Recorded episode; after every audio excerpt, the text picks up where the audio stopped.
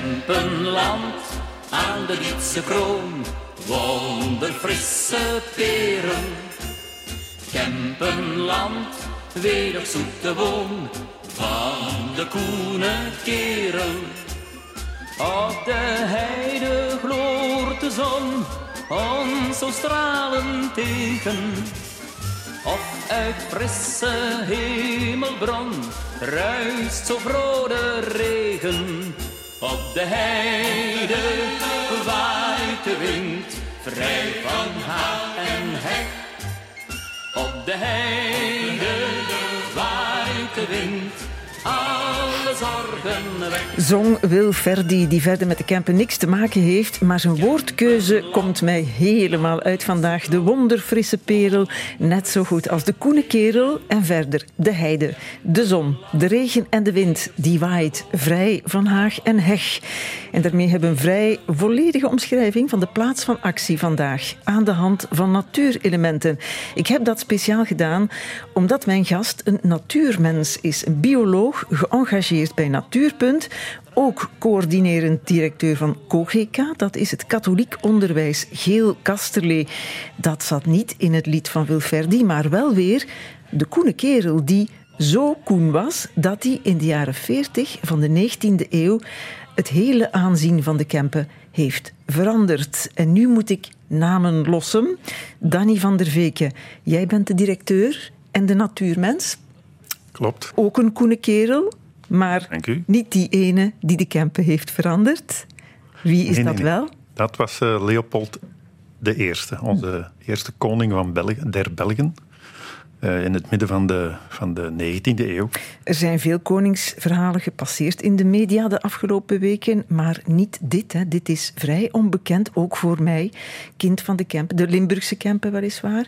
Tot nu, want je hebt er een boek over geschreven. Dat heet Koning in de Kempen, samen met een paar co-auteurs, Walter Ramakers en Janna Lefevre. Een boek over eh, wat de koning daar kwam zoeken, gevonden heeft en gedaan heeft in die 19e eeuwse arme, zanderige, onvruchtbare, verlaten, godvergeten plek. Dat verhaal vertellen we vandaag in Voorproevers. Voorproevers. Plaats van actie vandaag: Reti, Dessel, Geel, Mol en Turnhout. Samen heet dat De Kempen. Zeg gerust mooie Kempen. Mooi wegens haar heidelandschappen, haar zilvermeer, haar dennenbossen en midden daarin ergens deze abdij.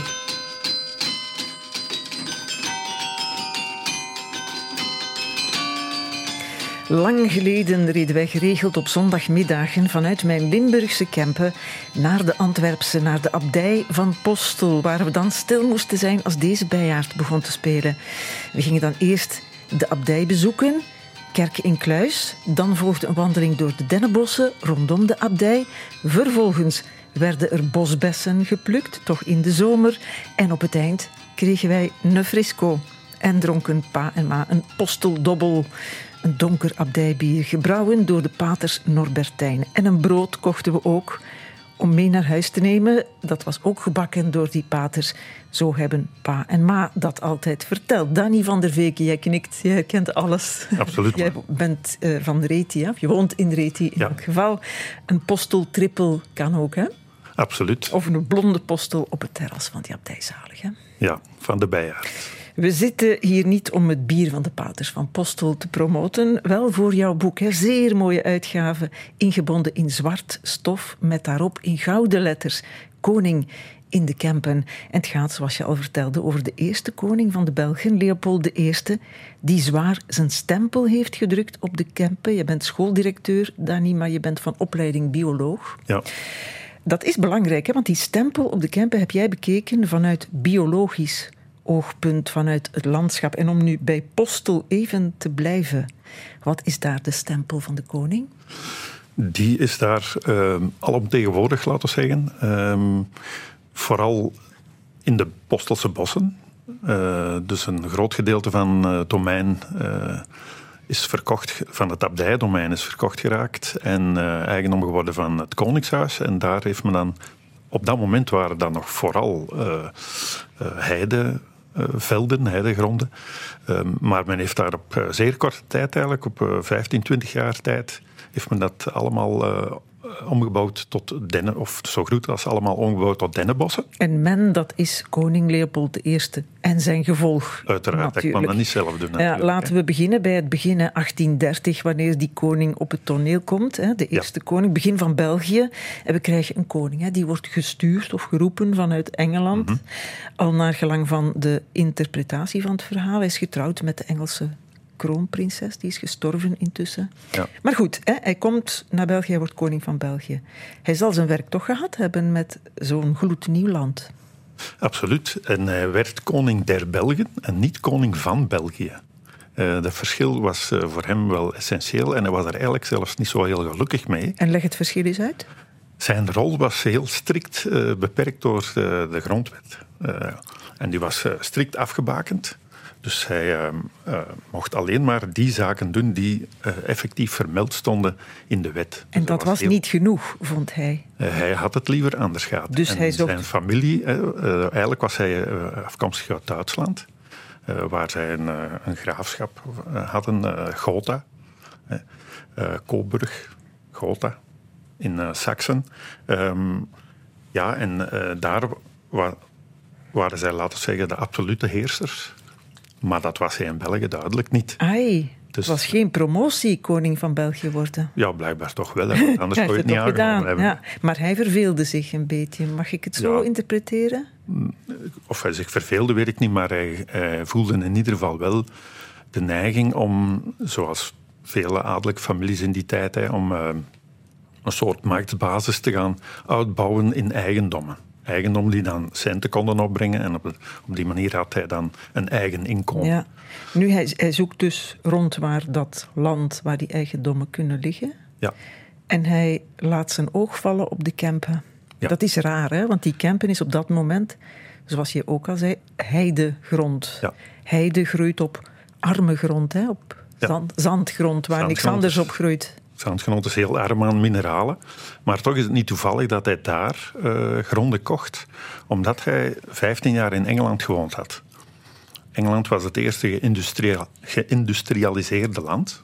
België was het eerste geïndustrialiseerde land op het Europese vasteland.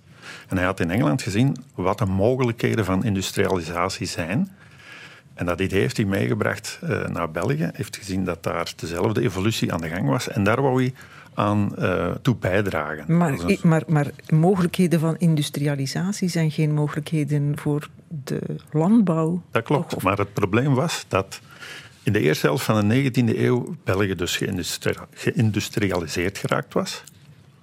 Daardoor was de bevolking beginnen groeien, maar de landbouwproductie kon niet volgen. Dus die moest ook uh, opgekrikt worden. Nu, West- en Oost-Vlaanderen en Brabant en Haspengouw, dat waren al topregio's qua landbouwproductie, maar de Kempen niet.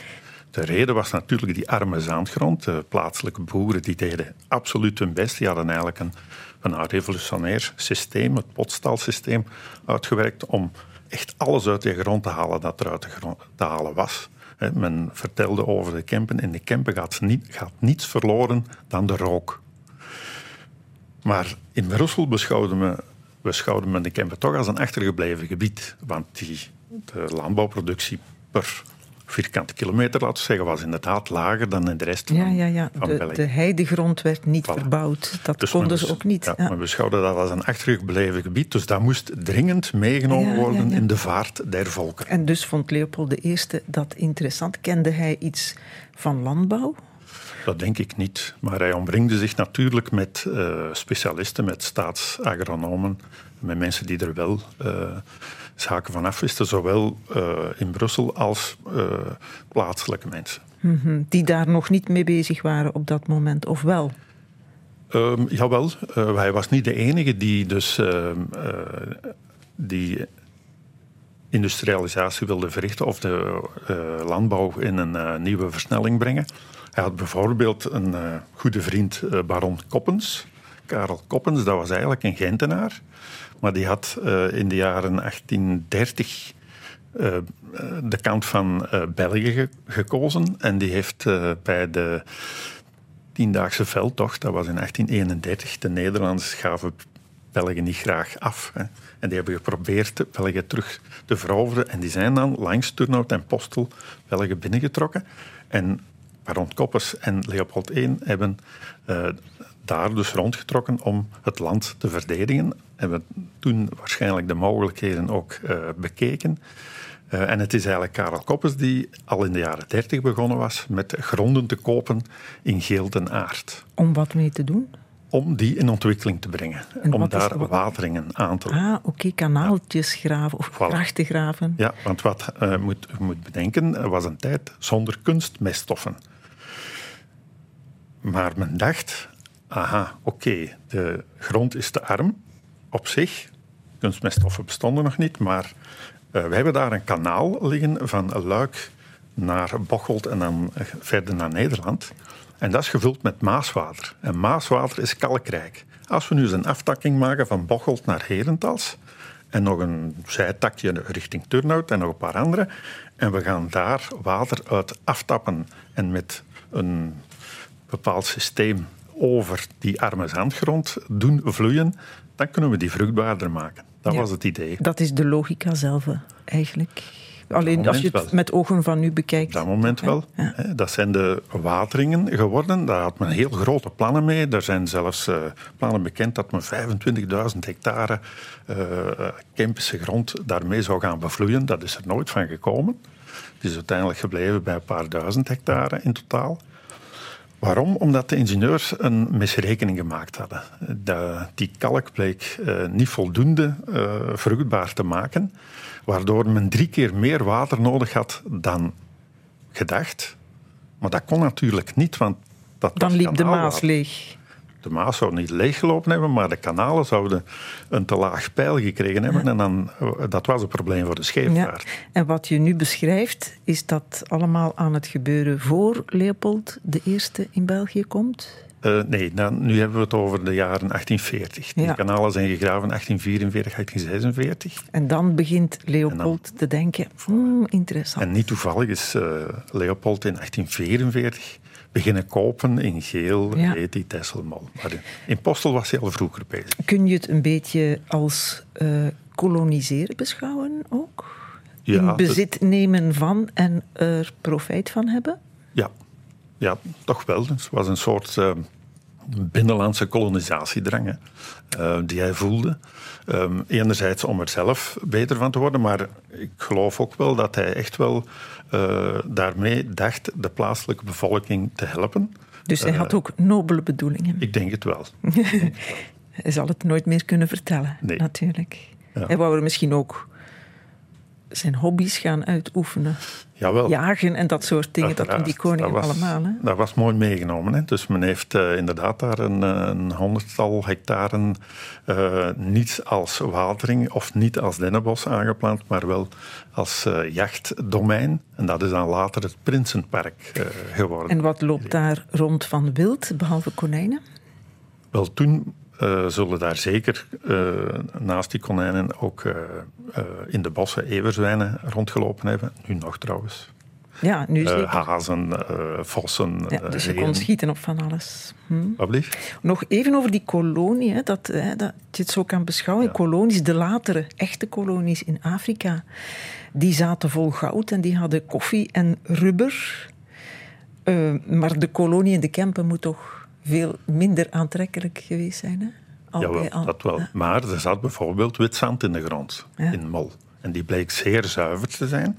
En die heeft men dan later gebruikt voor de, onder andere de glasindustrie. Dus dat, eh, en dat, ook op het koninklijk domein is dat wel degelijk ontgonnen. Ja, ja. Dus dat is ook een soort van goud wat je uit de ondergrond haalt. Ja, ja wit goud. En in Postel zat er uh, heel wat turf in de grond. Dat was eigenlijk uh, voor een stuk uh, Hoogveen, de Postelse Moeren. Een onderdeel van heet het Hoogmoer. En Moer is de plaatselijke naam voor veen. Dus eigenlijk zijn dat de Hoge Venen van Vlaanderen. Ah ja. En de... Of waren de Hoge Venen van Vlaanderen, want die zijn wel uh, zo goed als volledig uh, afgegraven, uitgeturfd. En waar ze dat witte zand hebben uitgegraven, dat ja, is het zil nu... zilvermeer van ja, onder andere. Maar dat lag wel niet op het koninklijk domein. Nee, maar wel iets uit mijn jeugd ook wel weer. Ja.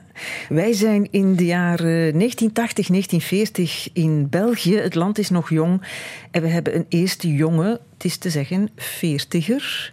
Uh, in elk geval wel ambitieuze koning Leopold I, die grond wil in België, in de Kempen meer bepaald, om er te kunnen jagen, maar vooral ook om daar een betere, lees minder achterlijke, mag ik dat zeggen? Een modernere, zal ik zeggen, meer, op, meer opbrengende plek van te maken. Ja. Dani van der Veke komt tussen. ik wil dat niet over zijn Kempen gezegd hebben, die ook mijn Kempen is. Uh, heeft daar samen met Walter Rijmakers en Jan Narefevre een boek over geschreven. Els Oostvogels moet ik ook nog vermelden. Die heeft de kaarten gemaakt. Ja, en dat was echt wel essentieel om het boek leesbaar uh, te maken. Ja, veel prentjes, hè? Ja. Zo werkt dat. Ja, ja, uh, om nog even in de kolonisatieterminologie te blijven, meneer Van der Veken. De kolonies in Afrika zijn dat geworden omdat ze op een keer zijn verdeeld hè, onder Europese hmm grootmachten een liniaal op de kaart en dat is van jou dat is van jou. Maar de Kempen, Mol, Reti, Postel, dat was toch niet zomaar te verdelen ook. Hè? Het is niet omdat een koning zegt ik wil dat, dat hij dat zomaar kan hebben. Dat is waar. Maar wat wel typisch was aan de Kempen toen, was dat eh, de eh, grote gebieden tussen de dorpen in, was nog voornamelijk heide. En dat was nog uh, gemeenschappelijke grond. Gemeenschappelijk van wie? Jawel, dat dateerde vanuit de middeleeuwen nog. We noemden dat toen de dode hand. Dat was echt gemeenschappelijk. Dus daar mocht niemand apart over beslissen wat daarmee zou gebeuren. Maar tijdens de Franse tijd was dat eigenlijk omgezet in gemeentegrond. Dus nog altijd gemeenschappelijk, maar nu was er wel duidelijk een, een uh, iemand die daarover mocht beslissen of die grond nu verkocht werd of niet. De gemeente? Dan. De gemeenten, inderdaad. En de koning heeft enkel, um, dus uh, gemeenschappelijke grond, of bijna uitsluitend, uh, gemeenschappelijke grond van de gemeenten in grote oppervlaktes gekocht. Ja, en die gemeenten waren het daarmee eens?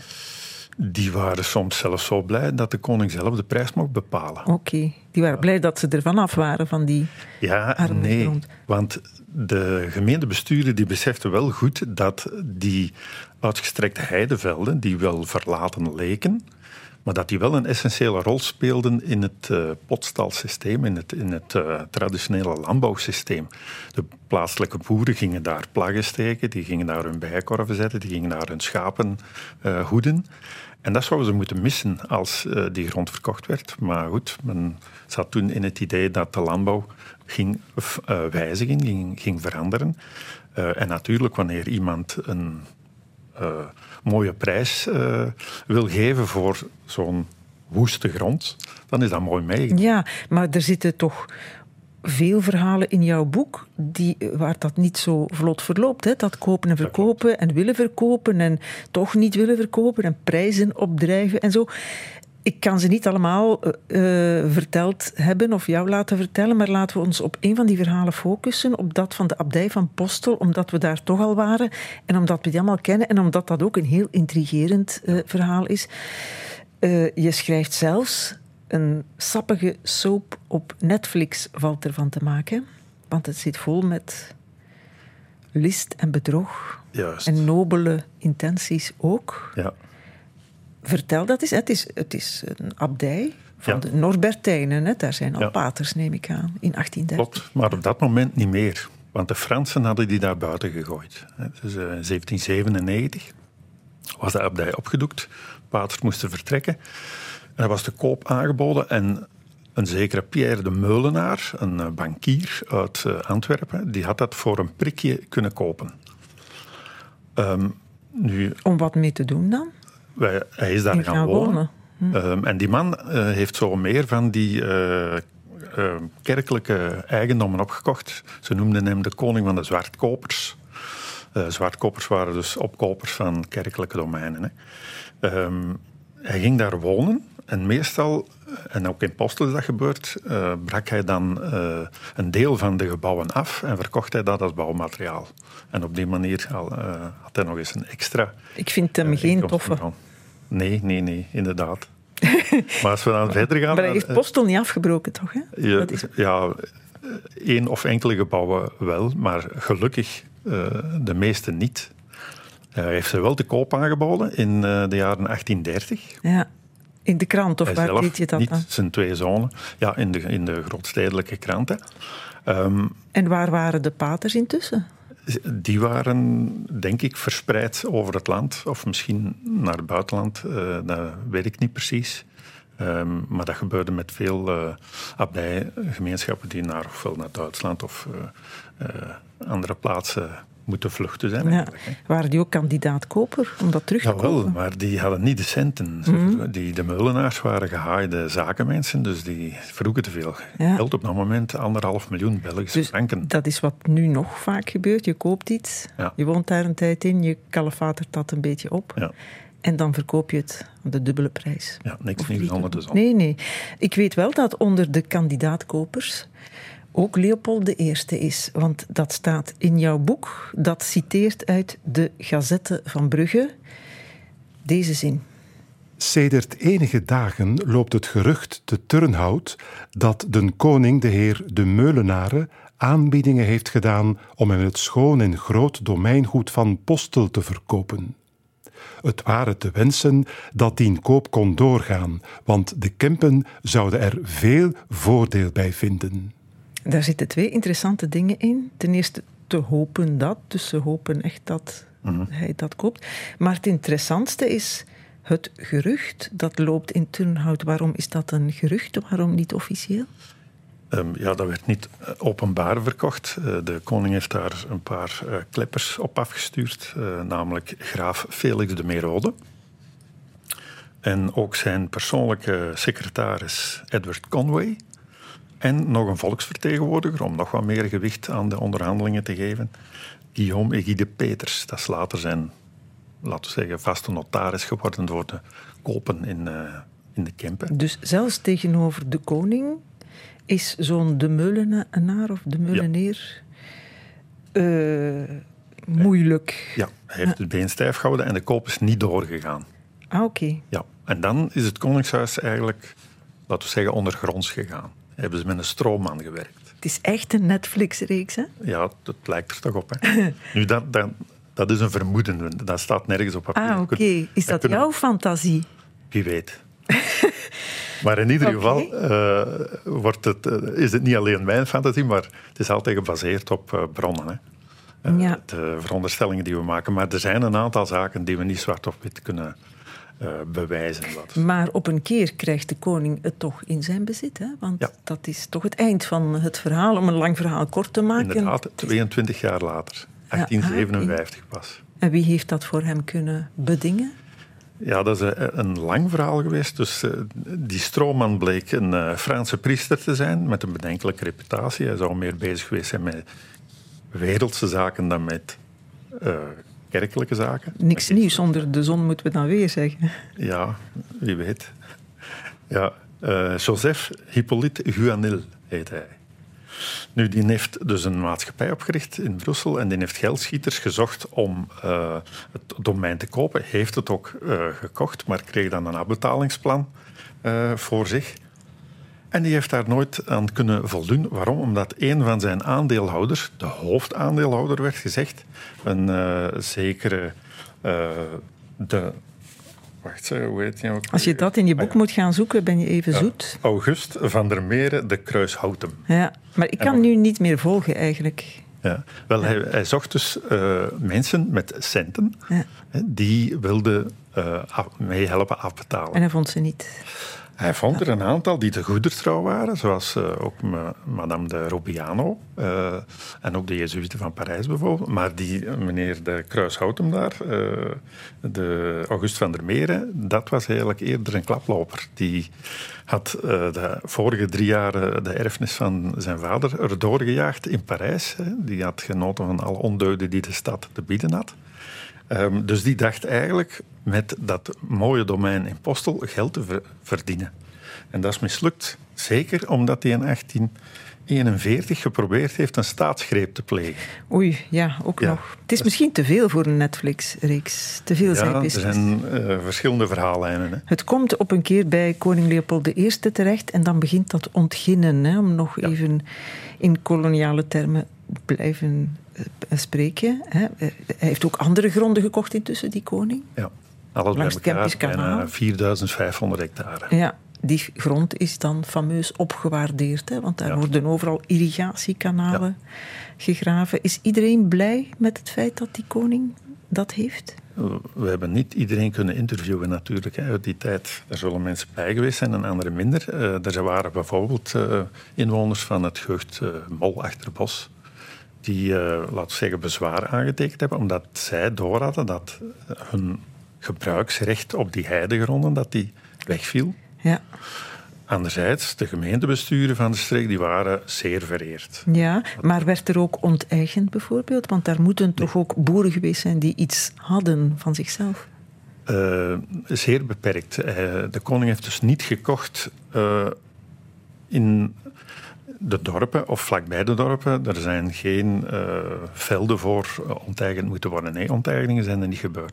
Dus het was echt ja, een ontwikkeling, een streekontwikkeling. Ja, het is betere grond geworden ook, hè, dankzij de koning, dankzij de irrigatie, Ja. dankzij het betere gebruik van later ook mest, neem ik aan. Hè. Dat Ja, straatmest aanvankelijk. Dus dat eh, ha- voerde men aan uit de grootsteden. Dat is wat we nu eigenlijk GFT-afval noemen. Hè. Ja. En dat werd over de velden uitgespreid. En de koning kon dat natuurlijk doen omdat hij kapitaalkrachtig was. Mhm. Dat had je nodig om die eh, gronden eerst eh, in ontginning te brengen. En het is pas later dat zij gronden eh, geld zouden gaan, eh, gaan opbrengen. Ja. Dus voor de plaatselijke boeren was dat te hoog gegrepen. Ook voor de ge- plaatselijke gemeentebesturen. Maar voor een kapitaalkrachtig man als, het, als Leopold I en zijn zoon prins Filip was dat dus wel haalbaar. En dan zijn er nog die dennenbomen die hij er zette. Hè? Ja. Die- Je hebt dat gezegd over het bos van Postel, maar heeft dat overal gedaan. Dat had te maken, ik weet dat van mijn vader, die in de mijn heeft gewerkt. Ja, ah ja. Dat is ter ondersteuning van de mijngangen. Hè? Ja. En dennenhout is goed omdat dat eerst kraakt voor het breekt. Dus dat waarschuwt als er gevaar is. Voilà. En naaldbomen kunnen perfect op arme grond Ja. groeien. Dat is nog altijd het Kempisch landschap vandaag. Hè, wat er nog overblijft. Mhm. Zichtbaar vandaag in dat landschap van die zeer aanwezige aanwezigheid van de koning. Het koninklijk domein in de Kempen is geen koninklijk domein meer tegenwoordig. De kinderen van Leopold I, eh, laten we het bij de officiële kinderen houden, meneer Van der Veken. Ja, liefst. Ja, hadden allemaal andere interesses en bezonjes. Voor Leopold II lagen die in Afrika, voor Charlotte in Mexico en voor Philippe nog ergens anders. Stilaan raakt dat domein verkocht, versnipperd. Het zijn ook mooie verhalen in jouw boek, Danny van der Veken, maar ik moet er even snel overheen voor de boeiendste eh, hoofdstukken nog. De, de, de eindhoofdstukken die ingaan op de vraag: wat is daar nog te zien van die koninklijke aanwezigheid en van dat koninklijke ingrijpen in de Kempen? Landschappelijk bekeken. Hè? In de eerste plaats, dat was jouw opdracht. Ja, dat was eh, zeker een groot deel daarvan. Hè. jullie Want, hebben een- het is al verkocht in de jaren in 1950 voor het grootste gedeelte en dan de rest in 1960. Ja. Ehm, jullie hebben een fotograaf op pad gestuurd, die heet Bart van der Moeren. En die is gaan foto's nemen van alles wat er nog verwijst Ja. naar iets koninklijks. De dennenbossen staan daar natuurlijk. Ja, Ja, ja. Er, zijn, er blijven eigenlijk niet zo heel veel ehm, overblijfsel meer van over die ook al een functie hadden tijdens het koninklijk domein. Hè, dus in de periode 1850 tot 1950. Dan gaat het in de eerste plaats over het Prinsenpark, maar ook over de, wat, we nu, wat we nu noemen de Koningshoeve. Dat was het eh, landbouwcentrum van het koninklijk domein.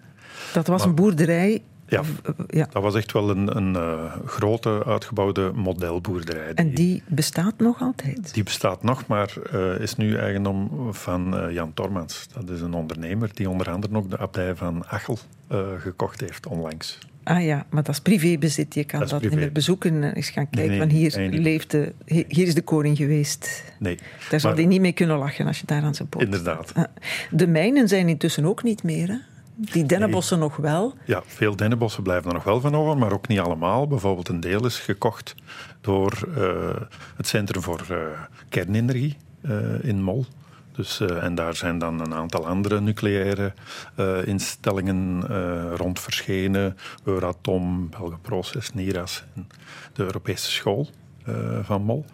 Ehm, Dus dat is ook een, een nieuwe bestemming die eraan Ja. gegeven is. Onder de vroegere koninklijke grond Ja. wordt nu ook radioactief afval opgeslagen. Ja, het zit momenteel nog niet onder de grond, maar dus, eh, dat is wel op termijn de bedoeling dat het eh eh, laag radioactief afval daar in een kuil eigenlijk, Ja, dat is het dan plan, grond overheen gestort wordt, zal bewaard worden. Mhm. Hebben ze die bossen allemaal gekapt dan? Er zijn er nog veel over. hoor. Ja, ja, ja. Zeker in Postel. Ja. En jij als bioloog, vind je dat goed dat daar zoveel dennenbossen blijven staan, die eigenlijk geen nut meer hebben voor die, wijk, voor die mijnen? Hè? Nee, maar die zijn ook wel in evolutie. Dus eh, een groot gedeelte van die bossen zijn in eigendom ondertussen van het Agentschap voor Natuur en Bos. En in het beheersplan nemen, hebben zij opgenomen dat ze geleidelijk aan evolueren van dennenbos over gemengd bos naar loofbos. Want dat is beter, hè? Gevarieerder in elk geval. biodiverser. Ja. Ja. Ehm, het Koninklijk Paviljoen, dat is er ook nog, hè? Ja, Ja. dat is, Dat is wel geen natuur. Nee. Ja. En dat is een, een eh, huis waar Michel Willox woont. Dat is eigenlijk de man die eh, veel opzoekingswerk gedaan heeft in de loop van zijn leven. En die aan het begin zat, stond van eh, dit project. Want hij was er zelf niet in geslaagd om daar eigenlijk een publicatie van te maken. Ehm, dus hij is als negentiger naar Stuifstand gestapt. Dat is eh, een erfgoedvereniging van de regio. eh, met het aanbod van, kijk, je mag mijn materiaal hebben als je er iets mee doet. En Dat is eigenlijk jouw researcher geweest. ja, een van de. Want tegelijkertijd was er Walter Huimakers, die eh, het domein nog kende van in zijn jonge jaren. En veel mensen had geïnterviewd die er nog gewerkt of gewoond hadden. En die dingen zijn samengelegd samen met nog materiaal van andere heemkundige kringen. En dan heeft men er het regionaal landschap Kleine en Grote Neten bij betrokken, omdat duidelijk was dat het over een landschappelijke evolutie zou gaan. En dan heeft men mij erbij gevraagd Ja. als schrijver. Prachtig, hè? Al die Ja. bronnen die je kunt samenleggen. Inderdaad. Ja. Ehm, foto's van de atoomwijk in Geel, ja, die heb je net vernoemd eigenlijk. Ja. Hè? Maar wijken zijn daar ook gekomen. Hè? Ja. Woonwijken ook. Ja, Hè? Ja. daar kwamen heel wat buitenlanders werken in het studiecentrum voor eh, kernenergie. En die moesten ook ergens wonen. En daar heeft men dan een modernistische wijk voor uitgebouwd langs het kanaal. Ja, niet die is echt. onlangs eh, mooi eh, in ere hersteld. Mhm, maar geen overblijfsel van de koning, hè? want die had met Nee. nucleaire industrie nog niks te maken. Leopold I Nee. nog niet. Zijn er nu ook meer boeren? Omdat de grond beter is dankzij de koning? Dan kunnen we dat ook een overblijfsel van Leopold I noemen. Of ze met meer zijn, weet ik niet. Maar in ieder geval, een deel van het domein is in de tijd gekocht door de kleine landeigendom. En die hebben daar ehm 25, en nu hebben we het over de jaren 1950, en die hebben daar 25 eh, toen hypermoderne boerderijen gebouwd met open loopstal, met 15 hectare grond, aaneensluitend rond de boerderij. Dat is iets wat eh, elders pas in de jaren 70 via de ruilverkavelingen gerealiseerd is. Dus met andere woorden, eh, zij waren toen alweer, net zoals tijdens het koninklijk domein, hun tijd vooruit. Een modelboerderij, zoals dat toen ook heette. Ja, en daar heeft men ook echt wel mee uitgepakt. Bijvoorbeeld tijdens Expo 58 zijn er bussen ingelegd van Brussel naar Geel om daar die boerderijen eh, te komen bekijken en de manier waarop daar aan landbouw gedaan werd. En jij blinkt van trots als je dat vertelt. Absoluut. Jouw school ligt in Geel, hè? Ja, Of een van jouw scholen. Ja. Ja. Eh, ik moet er nog eentje vermelden. Het, eh, een foto van eh, die Bart van der Moeren van de ingang van Graspop. ja.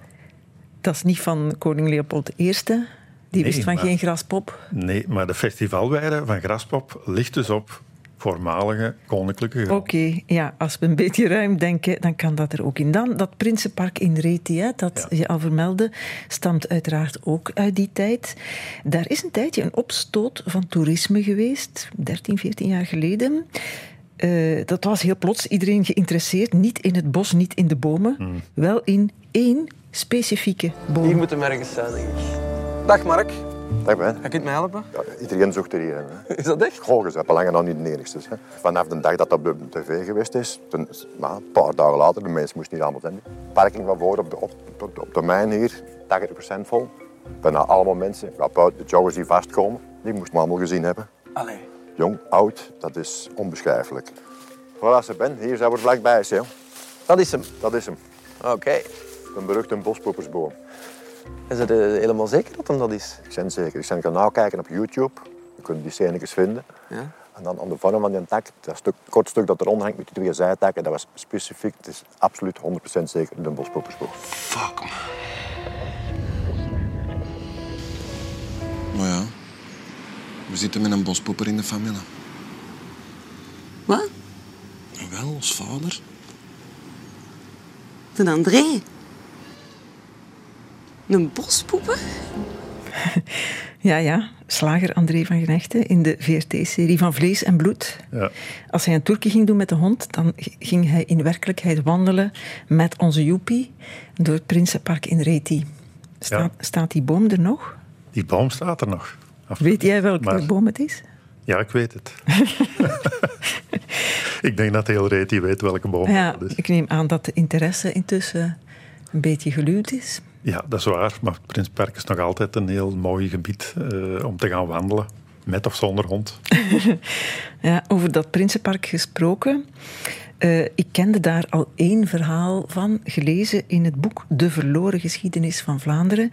Als je in de Kempen de boekhandel binnenstapt, dan ligt dat boek naast het jouwe in Ja. zicht. Dat is van Jos van der Velde, een collega van VRT Nieuws. Eh, die heeft er eigenlijk nog een hoofdstukje aangebreid over een latere koning, Leopold III. En na, zijn dood, na de dood van zijn vrouw, ehm, koningin Astrid, hertrouwde die met Lilian Baals, een vrouw van burgerlijke afkomst, in volle oorlog. Het was 1941. Het volk was ondaan.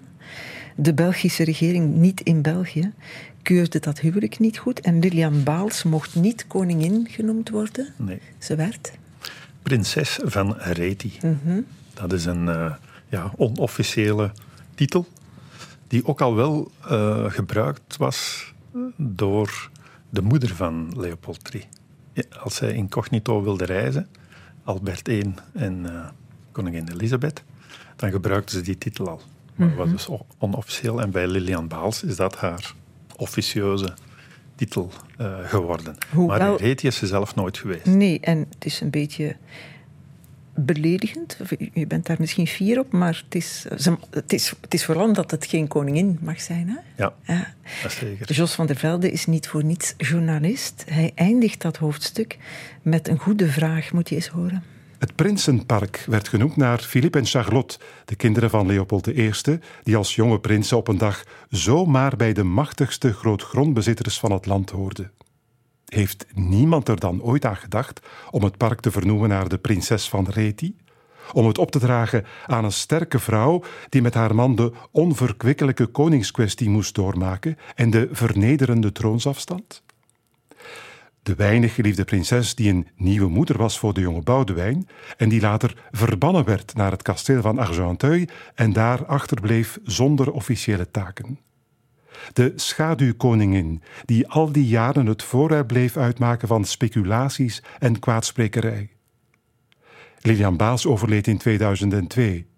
Tegelijk werd vastgelegd om de titel prinses van Reti nooit meer toe te kennen. Wie is er eigenaar van het Prinsenpark? De provincie Antwerpen. Het is een vraag aan hen eigenlijk. hè? Mhm. Ja. Is het een gevechtje waard, vind je, dat dat Prinsenpark het Prinses van Reti-park wordt of het Lilian Baals-park bijvoorbeeld? Het is een ingeburgerde naam ondertussen. Hij is eh, gegeven in de jaren zeventig. Ehm, en verwees toen naar eh, prins Filip, de tweede zoon van Leopold I, en naar prinses eh, Charlotte. Eh, ja, ik heb daar nu met, niet meteen een mening. Nee. Maar ja, ik ken het ook al mijn leven als het prinsenpark. Ja, er is ooit zo'n gevechtje geweest om straatnamen ook Ja, vrouwen waar, te noemen. Maar dat leeft niet in, in, eh, in de streek. Nee, Nee, volgens mij niet. dan zullen we het eens doen leven. Hè. we hebben het in leven gebracht dan in elk geval. Maar goed, dat is een andere discussie en die staat in een ander boek, hè, de aanhef daarvan. Nu hebben we het over jouw boek en moeten we het jouwe ook nog eens vermelden. Het prachtige boek Koning in de Kempen over de ontginning van het koninklijk domein, geschreven door onder meer Danny van der Weken En ik heb ze nu niet meer op mijn papier. Walter Rijmakers, Jan Lefevre, Els Oostvogels en Bart van der Moeren. Ja, en dan moeten we meneer Willocks ook nog vermelden voor de research. Ja, en, en, en er zijn nog anderen. Ja, dankjewel voor de mooie verhalen, meneer Van der Veekje. Voorproevers.